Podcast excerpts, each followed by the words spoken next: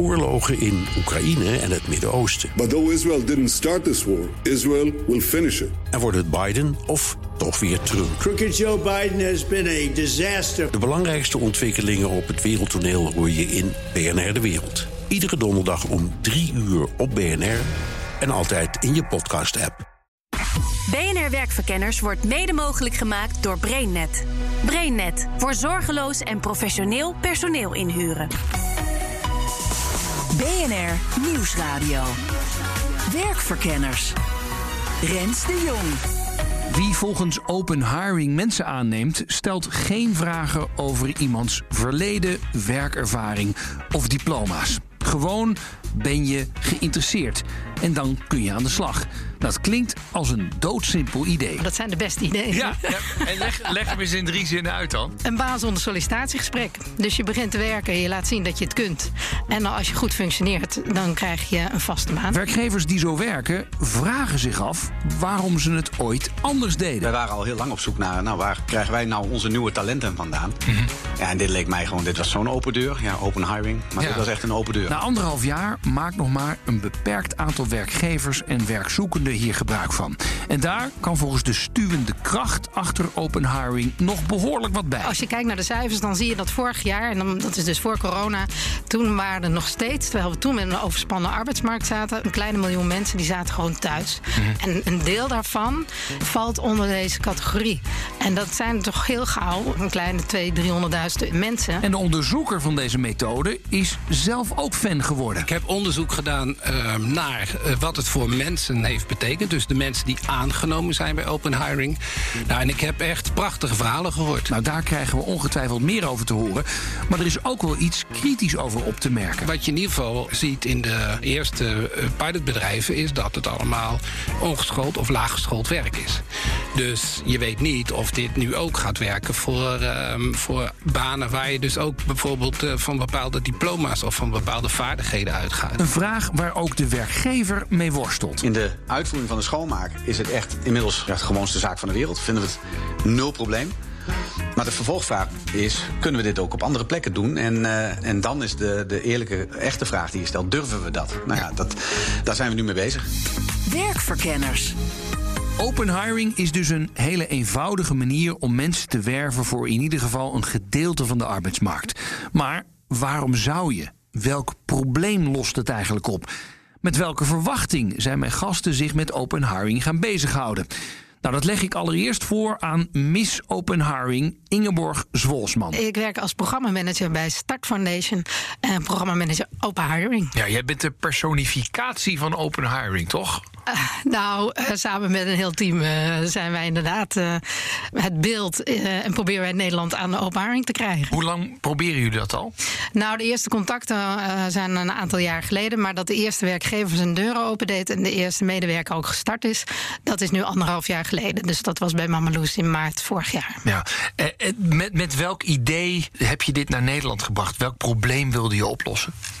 Wij zagen dat eh, het succesvol was bij een werkgever in Amerika. En wij dachten van misschien voegt dit iets toe in de Nederlandse arbeidsmarkt.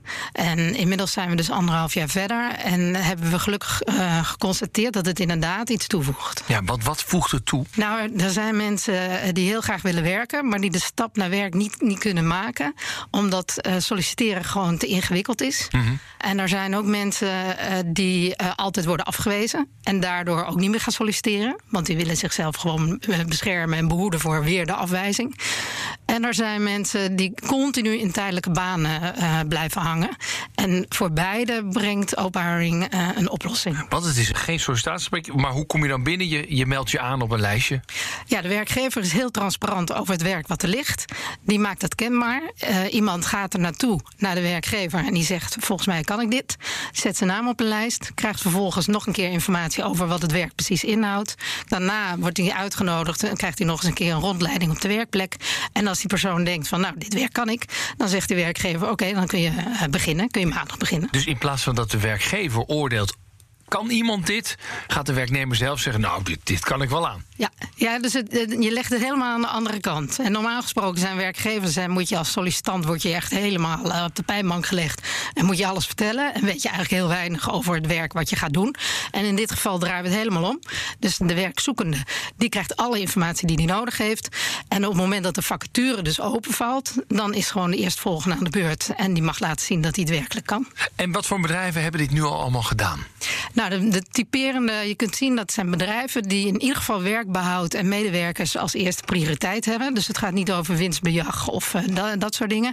Met name, maar we zitten natuurlijk bij de eerste eh, ja, kleine twintig hebben we nu, zien we vooral MKB. Hè, die zijn heel erg betrokken en gemotiveerd om mensen aan het werk te houden. Het zijn bedrijven die ook gewoon eh, werk hebben, maakwerk, waar mensen makkelijk kunnen starten, maar wel met een open bedrijfscultuur. Dus mensen zijn daar ook gewoon, iedereen kan daar gewoon aan de gang en krijgt gelijk een warm welkom. En een van de eerste werkgevers die meedeed, begon er uit volle overtuiging aan. Maar ook omdat hij altijd wel op zoek is naar goede arbeidskrachten. Ik ben eh Jacob Vonhoff. Ik ben allereerst eh, schoonmaakondernemer. En daarnaast eh, sinds een jaar of twee voorzitter van MKB Nederland. Deze uitzending gaat over open hiring. Daar doe je zelf ook aan mee, hè, begrijp ik. Ja, absoluut. Daarom begon ik mijn voorstelrondje ook met eh, het feit dat ik een schoonmaakondernemer ben. Want kun je daar iets En, over eh, zeggen? Wat, wat, wat doe je precies? Wij zijn een, eh, wij, ja inmiddels wel wij. Wij zijn een, een gewoon schoonmaakbedrijf, zeggen we wel eens. Maar we kijken wat ongewoon naar de arbeidsmarkt. We hebben zo'n zo'n 2200 eh, schoonmaakcollega's in het noorden en het midden van het land. En nou ja, we maken alles met een dak erboven schoon. Eh, kantoren, scholen, vakantieparken, hotels, fabrieken, dat soort dingen. Ja, en eh, je bent gestart met open hiring. Wat zoveel is als, nou, mensen kunnen zich aanmelden op een lijst. En jij neemt gewoon de eerstvolgende op de lijst. Wanneer was dat eerste idee dat je denkt, dit is mi- misschien een goed idee om te gaan doen? Ik hoorde hiervan eh, eigenlijk denk ik zo'n beetje bij de introductie van het idee in Nederland. Ik, ik was met het bedrijf al wat langer enthousiast lid van De Normaalste Zaak. Een eh, initiatief van VNO-NCW en MKB Nederland. Wat ervan uitgaat dat ondernemers ehm, uit zichzelf de goede dingen doen. Hè? Dus niet eh, aangejaagd door allerlei regels van de overheid, maar gewoon omdat het zo hoort. En die kwamen met dit idee. En toen bedacht ik mij van ja, maar weet je, dit is volgens mij eh, uitgelezen eh, mogelijkheid voor ons bedrijf om met zoiets aan de slag te gaan. Omdat wij op dat moment, voor COVID nog natuurlijk, een hele eh, grote behoefte hadden aan nieuwe mensen. De arbeidsmarkt was heel erg krap, hè, minder dan 3% eh werkeloosheid. En werkte het? Ja, meteen. Ja, het is bij ons eigenlijk al gewoon een normale manier van werken geworden. En ik dacht van, hoe hebben wij dat nou op de website staan? Ja. En dat staat bij ons op de website als volgt: van je hoeft bij ons niet te solliciteren met een brief. Jouw cv hebben we niet nodig. We vinden jouw verleden, waar je vandaan komt, wat voor geloof je hebt, hoe oud je bent, hoeveel diploma's je hebt, niet interessant. Jij bepaalt zelf of je geschikt bent voor de vacature. Dat is, dat is gewoon wat het is. Dus mensen komen gewoon binnenlopen en zeggen: ik kan dat. En eh, komen op die lijst. Heb je ook echt daadwerkelijk andere mensen binnengekregen? Nou, dat is het bijzondere. Nee. Ik, ik heb mij altijd al verbaasd over het feit dat mensen die bij ons sowieso gewoon door de voordeur binnenkomen, dat het soms heel erg afhankelijk is of iemand in zijn leven eh, door omstandigheden, en die kan ik allemaal niet bedenken, maar ehm, eh, in, bijvoorbeeld in een regeling terecht is gekomen, of het nou de sociale werkplaats, de SW was, of de Waaijong, of eh, via de, UWV binnenkomt, of via de gemeentelijke bijstand. Maar soms komen mensen ook gewoon binnen en die zeggen: hé, hey, hallo, hier ben ik dan. En dat zijn exact dezelfde mensen. Dus hè, wij, zijn in Nederland heel goed in labelen en stickeren. En als je in Nederland een probleem hebt gekregen, dan blijf je de rest van je leven je probleem. Terwijl heel veel andere mensen zich van geen enkel kwaad bewust zijn, zich ook van geen probleem bewust zijn en gewoon lekker komen werken. Nou, dus en dat zijn echt dezelfde mensen vaak. De onderzoeker wil graag weten hoe mensen die daar blijkbaar moeite mee hebben, aan het werk komen. Ik ben Hans Bosselaar. Ik werk bij de Vrije Universiteit op de afdeling bestuurswetenschap en politicologie. En ik ben daar vooral bezig met onderzoek op het terrein van arbeidsmarkt, kwetsbare groepen op die arbeidsmarkt.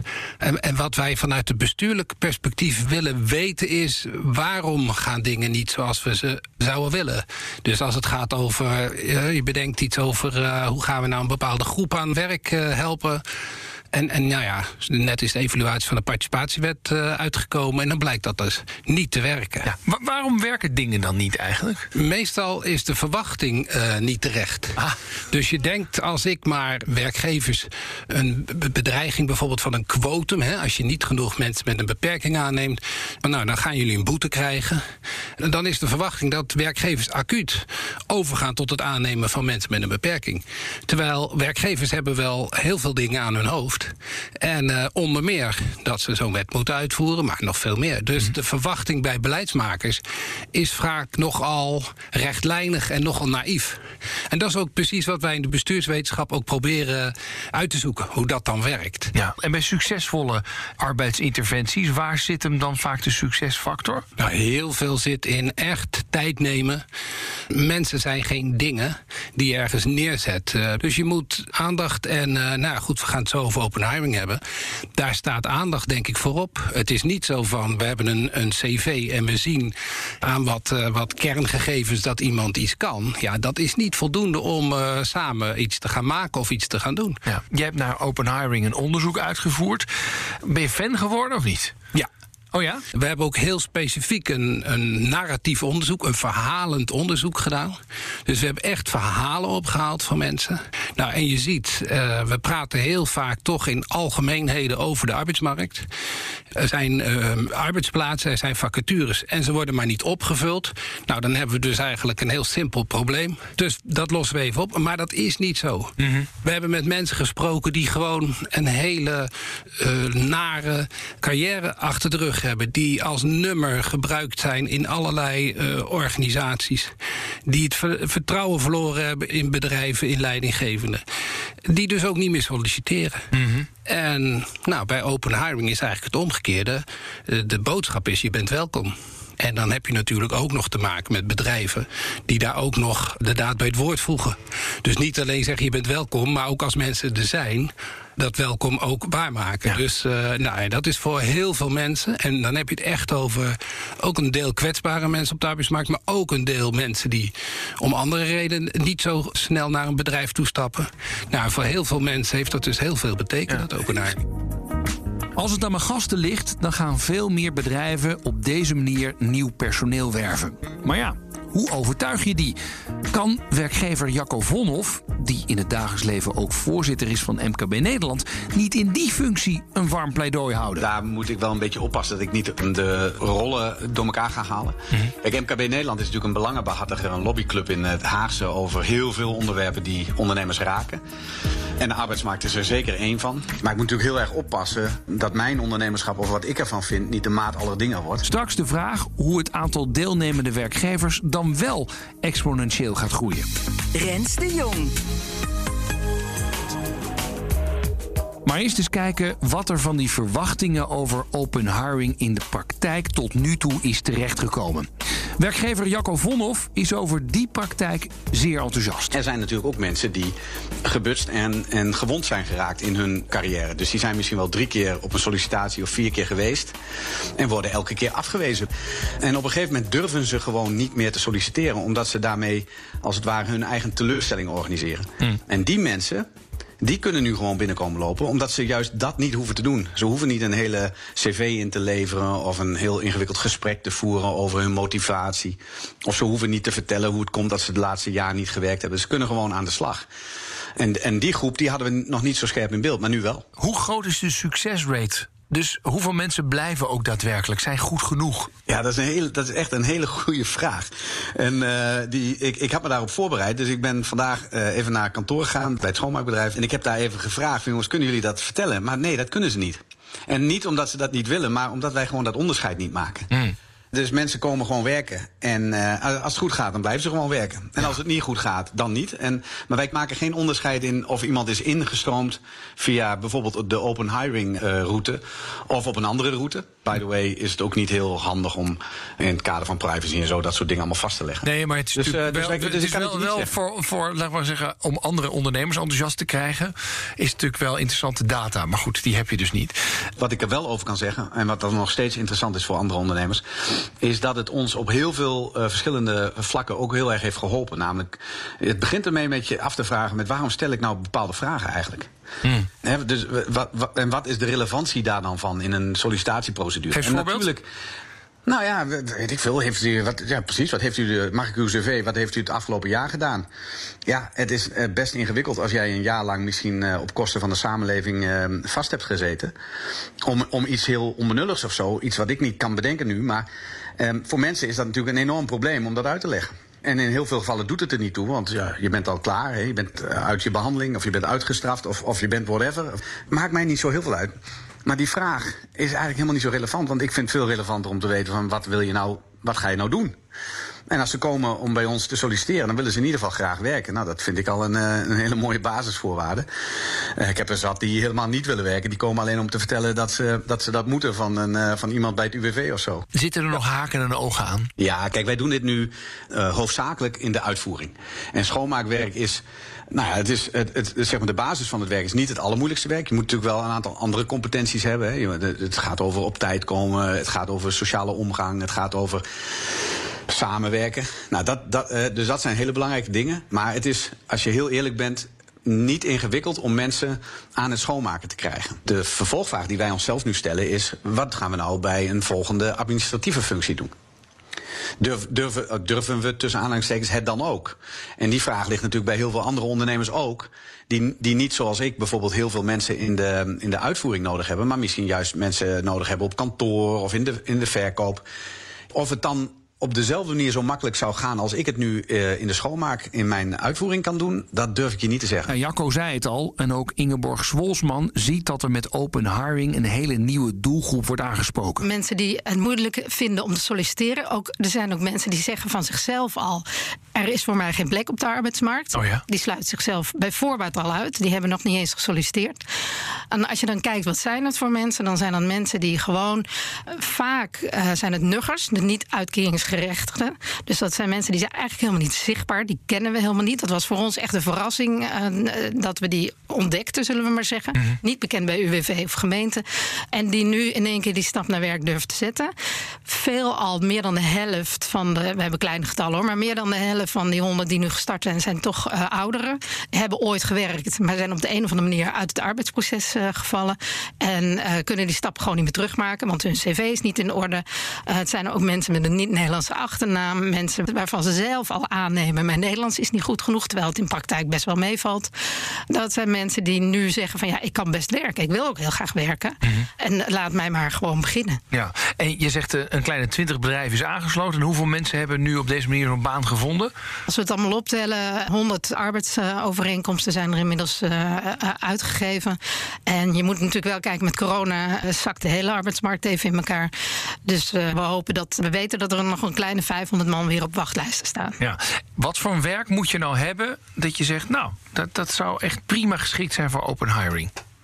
Ja, het moet in ieder geval werk zijn waarvan je denkt van nou, daar heb ik regelmatig mensen voor nodig. Vallen regelmatig vacatures open. Dus ik kan gewoon zo'n wachtlijst wel, eh, wel garanderen. Het is belangrijk dat iemand wel in een soort groepsverband start. Dus het type werk gaat nog, is nog niet eens zo belangrijk. Maar wel dat je mensen, je spreekt ze niet van tevoren, maar je wil ze wel leren kennen tijdens de inwerkperiode. Ja, dus dan moet je ze niet alleen ergens solistisch op een plek gaan zitten. Dus dan wil je ze wel graag even een tijdje in beeld kunnen hebben. Eh, we zijn natuurlijk afgelopen jaar eh, begonnen met echt bazaal werk. Waardoor ook de, de grens zo laag mogelijk was en de drempel zo laag mogelijk om mensen werk te bieden. We zien ook bijvoorbeeld schoonmaken past heel goed. Ik kan me ook voorstellen, distributiecentra, eh, Ja. fabrieken, lopende band. eh, Ja. Nou, andere dingen nog? Ja, we hebben callcenters, hebben Oh ja. we supermarkten. Die gaan ook heel goed. Want ook daar zie je gewoon iemand aan het werk. En die blijft gewoon in de groep. Dus eh, dat is allemaal werk waarvan. En het mooie is, mensen vinden het gewoon superleuk om te doen. Hè? Dus ze zijn gewoon hartstikke blij dat ze die baan, eh, dat ze weer aan het werk zijn. En van daaruit kun je altijd weer kijken van, nou, misschien kunnen ze weer verder. Kunnen ze ergens anders weer verder. Want wat voor contract krijgen deze mensen? Exact hetzelfde wat de andere medewerkers ook krijgen. Mhm. En in Nederland krijg je niet op dag één een vast contract. Tenminste, ik ken er maar weinig die dat hebben gekregen. Dus je begint altijd met een soort eh, zeven maanden met een maand proeftijd. Of je begint met een jaarcontract. En daarin zit de proeftijd. Die ga je ook gewoon als werkgever goed gebruiken. Dus je gebruikt de inwerkperiode heel goed. Je ziet dan wie je in, in huis hebt. En als iemand goed functioneert, dan komt daarna komt het vast contract. Onderzoeker Hans Bosselaar zei eerder al dat zijn onderzoek vooral bestond uit het luisteren naar verhalen. Verhalen van mensen die via open hiring aan de slag zijn gegaan. En die gesprekken werden regelmatig heel emotioneel. De emotie is bijvoorbeeld echt dat gevoel dat je uh, ergens bij mag horen. Dat je welkom bent. Dat je uh, voor het eerst merkt dat er aandacht voor je is. Uh, nou, dat zijn echt mensen die, die echt. Nou, ik heb niet alle interviews gedaan, maar ik ben echt wel laten we zeggen, onder de indruk geraakt van de verhalen. En ook van hoe dus de arbeidsmarkt ook voor sommige mensen werkt. Mm -hmm. Ik bedoel, iedereen heeft het altijd over de waarde van werk. Maar bij heel veel mensen is het ook haast omgekeerd. Heeft werk gewoon heel veel stress, teleurstelling, spanning opgeleverd. En eigenlijk valt het een beetje weg. En, en dat komt dus enerzijds door open hiring, maar ook door de bedrijven die achter open hiring staan. Ja, en die gewoon uh, aandacht hebben, of gewoon maar die aandacht hebben voor een medewerker. En eigenlijk gewoon die de medewerker als mens zien. Ja. Ja. Is dit voor de medewerkers die dit doen echt wel weer een verandering, een levensverandering? Ja, ja echt waar. Het is echt de belangrijkste is dat uh, mensen weer het gevoel hebben uh, mee te kunnen doen. Mm. En of je nou die droom najaagt, of dat je nou uh, toch heel veel nare ervaringen hebt gehad, dat je nu weer mee kan doen. Ja, dat heeft zo'n impact. Nou, met name die mensen die die nare ervaringen hebben gehad. Daar hebben we een aantal gehad die met tranen in hun ogen hun verhaal vertellen. Ja. En is het dan ook zo dat ze nu daarna door kunnen? Is het, of, of hebben ze gewoon deze baan en ik ben er heel blij mee? Of zijn ze na een paar jaar weer weg en denk ik, ja, weet je wel, ik, ik heb weer ervaring, ik ga weer door? Dat is een hele goede vraag. Want de vraag is of dat mensen op die manier zo bezighoudt. Ik denk wel dat het de bedoeling is van open hiring. Hè, dat je zegt van je hebt een plek. En ook als je die documentaire ziet over Grayston... dan zie je ook dat er dus die mensen... bakkerij waar het ooit begonnen is. Precies. Ja. En dan zie je ook mensen die, die binnen zijn gekomen... met een heel zwaar verleden. En inmiddels dan al uh, een groepje van vijf uh, begeleiden. Weet je wel. En die, zien, die zijn ook trots dat ze nu ook zelfs uh, die jongeren van de straat weer kunnen helpen. Maar ik denk dat het ook voor heel veel mensen... niet per se noodzakelijk is om een carrière te maken. In de zin van ik moet opklimmen. Ik moet, uh, dus, dus er is ook gewoon een groep die echt um, vooral het meedoen, het erbij horen, bij het bedrijf horen, collega's hebben. Dat is eigenlijk een belangrijkere uh, stap dan. Uh, ik moet hier nu over een half jaar weer weg zijn. Of, of manager zijn of groepsleider zijn nee, nee. van een aantal. Dat is niet. Gewoon een baan. Gewoon een baan met leuke collega's. Baan. En de mensen die wij gesproken hebben, die zaten natuurlijk nog in de beginperiode van het open werk. En die hebben eigenlijk niet horen spreken over, nou, uh, dit is de opstap en vanaf nu uh, ga ik die arbeidsmarkt bestormen. Dat hebben we niet gehoord. Al mijn gasten zouden graag zien dat veel meer werkgevers via open hiring mensen gaan werven. Jacco Vonhoff wil zijn voorzitterschap van MKB Nederland er niet voor misbruiken, maar schreeuwt het als ondernemer graag van de daken. En hij doet een suggestie hoe de drempel voor ondernemers verlaagd kan worden. We hebben wel één aanspreekpunt nodig per bedrijf. Dus wat ik, wat ik hiermee bedoel te zeggen is dat bedrijven zijn heel goed in het organiseren van werk, in ondernemen en in het, het helpen ook bedreven te worden in dat werk, omgaan met collega's. Dat kunnen ondernemers hartstikke goed. Dat moet je ook bij die ondernemer laten. Maar heel veel van de mensen die op deze manier binnenkomen, ook heel veel andere mensen trouwens, zeker in deze tijden, hebben vaak in de persoonlijke sfeer een scala aan uh, verschillende problemen. Dat kan zijn schulden, dat kan zijn verslaving, dat kan zijn de gezinssituatie. Nou ja, je kunt het zo breed maken als je wil, gezondheid. En als ondernemer kun je gewoon niet achter de voordeur bij je werknemer. En zeker niet als er multiproblematieken zijn. En dan wil je eigenlijk dat op het moment dat er iets met je werknemer aan de hand dreigt te zijn, maar wat niks met het werk te maken heeft, dat je dan iemand hebt, één persoon waarvan je kunt zeggen, nou daar kan het signaal naartoe.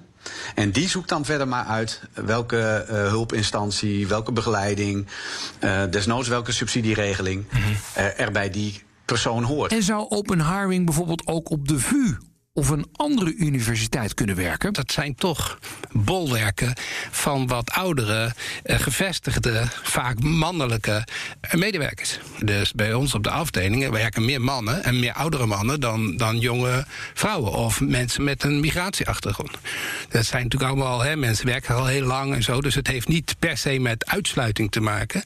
Maar ik kan me wel voorstellen dat je toch, nou dat geldt denk ik voor heel veel mensen, dat je toch, als je die over nadenkt, dat je toch bewust bewust wordt van... ja, misschien stel ik ook wel allemaal eisen... zodat ik groepen uh, structureel uitsluit... terwijl die eisen eigenlijk bij deze functie helemaal niet nodig zijn. Volgens mij moet het ook niet idealiseren. Volgens mij kan het nog niet op iedere functie, toch? Nee, nee kijk, eigenlijk, uh, het gaat niet zozeer om iedere functie. Het gaat erom dat je heel veel functies hebt waar heel veel mensen voor in aanmerking zouden kunnen mm. komen. En als die functies er zijn waar veel mensen voor in aanmerking zouden kunnen komen, dan zou je kunnen zeggen van laat mensen dan komen. En laten ze zich bewijzen op die werkplek. En niet laten we proberen op basis van een aantal standaarden van tevoren te willen weten wie daar nou geschikt voor is. Ingeborg Zwolsman zoekt de groei ook in nog weer nieuwe mensen bereiken die zo aan het werk gaan. Kunnen we op de een of andere manier het zo organiseren dat mensen met een uitkering die stap ook durven te zetten? Want het is gewoon regulier werk. En we gaan kijken van kunnen we het uitbreiden naar wat complexere werkzaamheden. En we gaan ook kijken van past het bij stages? Want met name op de stagemarkt worden mensen echt, eh, daar is discriminatie echt een ding. En uh, met openharing sluit je dat gewoon uit. Kan het voor iedere baan? Nou ja, ik ben ervan overtuigd dat openharing voor ieder werk kan. Aangezien je het helemaal terugbrengt naar dat wat er nodig is. Dus je kijkt alleen maar naar het werk. Werk is uitgangspunt. En vervolgens, dus de persoon is veel minder van belang. Mhm. Het is wel even de vraag, hoe ga je het zo organiseren dat je inderdaad dat hele deel kunt uitsluiten. Maar als je bijvoorbeeld naar wat complexere uh, werk kijkt, dan kun je ook kijken van nou laat maar eens even zien wat je kunt. En op basis daarvan uh, gaan we kijken of mensen de baan krijgen. Dus, um, een hele serieuze proefperiode. In plaats van vaak doen we die proefperiodes. Oh ja, die is alweer over. Daar ben ik sowieso heel erg voorstander van. Het investeren in die proeftijd en gewoon het mensen inwerken. En je merkt ook, dat, wat, dat gebeurt hoor, bij die opharingbedrijven, die realiseren zich heel goed dat ze die eerste paar weken moeten natuurlijk wel even aanwezig zijn. Want anders heb je helemaal geen idee wie je in dienst hebt. Maar dat werkt dus twee kanten op. Want die medewerkers zijn hartstikke blij met al die aandacht die ze krijgen. En die werkgever die krijgt in één keer al die aandacht weer terug. En ook die uh, gemotiveerde mensen die heel loyaal worden. Want die zeggen, nou, ik krijg hier nou toch eens een mooie baan. Wat een geweldige werkgever. Ja, dat is natuurlijk alleen maar goed. Nou, kortom, met open hiring, geen vragen stellen naar het verleden, geen sollicitatiegesprek, schieten zowel werkzoekenden als ondernemers wat op. En degenen die op deze manier aan het werk gaan, krijgen veel meer dan alleen maar een baan. Heel belangrijk is de boost voor het zelfvertrouwen. Een werkgever krijgt enorm gemotiveerd en loyaal personeel. En voor problemen buiten het werk, en die spelen wel vaak, zou die ondernemer wel erg geholpen zijn met één enkel aanspreekpunt.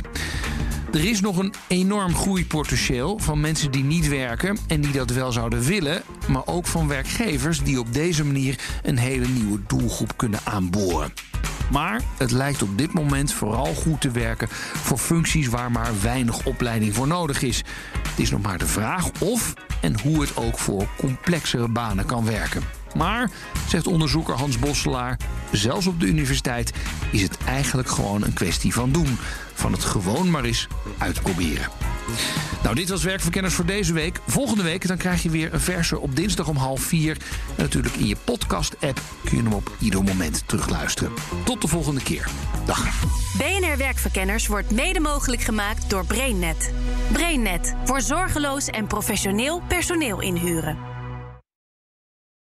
Ook Liesbeth Staats vind je in de BNR-app. Ja, heel handig. Luister live naar Kees en mij tijdens de Daily Move. Dan blijf je ook gelijk op de hoogte van breaking news en het laatste zakelijke nieuws. En daar vind je ook alle BNR-podcasts, waaronder de Perestrooikast. Download nu de gratis BNR-app en blijf scherp.